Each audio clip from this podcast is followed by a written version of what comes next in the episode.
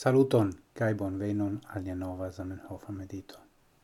Hodiau, mi volas legi, cae mediti cun vi, sur uh, la respondo numero 1 la lingua i respondoi, pri la esperanto stilo, cio origine publicigis en 1907, ec ne, 1906, en la revuo decembro. Cai mi legas je pagio, el pagio, pardono, ducent quardec du, la alineon en la meso. Tamen cio devas esti en giusta mesuro. Ancao en Esperanto trovigas diversai, ne multai, idiotismoi. Cai tute malprave quelcae esperantistoi ilin contra batalas, char lingvo absolute logica cae tute sen idiotismoi estus lingvo sen viva cae tropesa.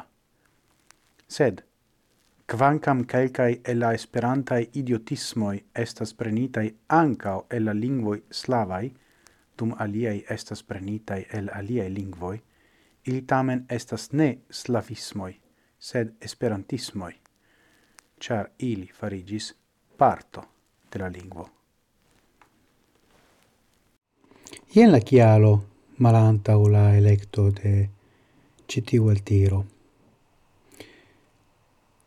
Shaina salmi che ancora hodio homo e parolas pri logichezzo de Esperanto. Sed na vorto logico changigis multe en la lasta iarcento ec nun tempe nestas plu nur unu logico, sed multae. Do, vere, ni devas cessi paroli pri logicezzo della lingvo. La lingvo nestas logica. La legioi, la homae legioi, de la homae lingvoi, estas malsimilai alla legioi de la logico, cae de la logicoi, facte kiam vi parolas pri logicezo al homo kiu estas faculo pri tio, kai vi diras che estas logica, tio signifas che esperanto estas ne homa lingvo. Cia logico nestas homa lingvo. tio esas la punkto. Do, vidaurinde ci tiu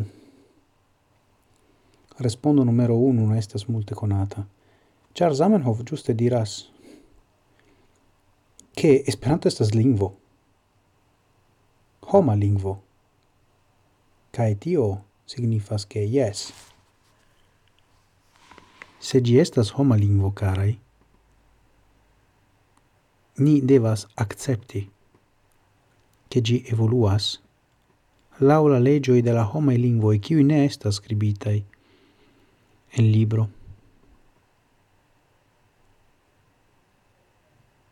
Ja. Ien nia primedito. Primeditu cune cun mi pri la signifo cae opportuno de la uso de la vorto logico, che ja mi experimentas in perspectivoin, o per la video. Mi ne sias ciu visciata shatas ilin. Tiru, reagu, commento Dankon pro via attento, gis morgao, cae cia cian, antauen, sen fine.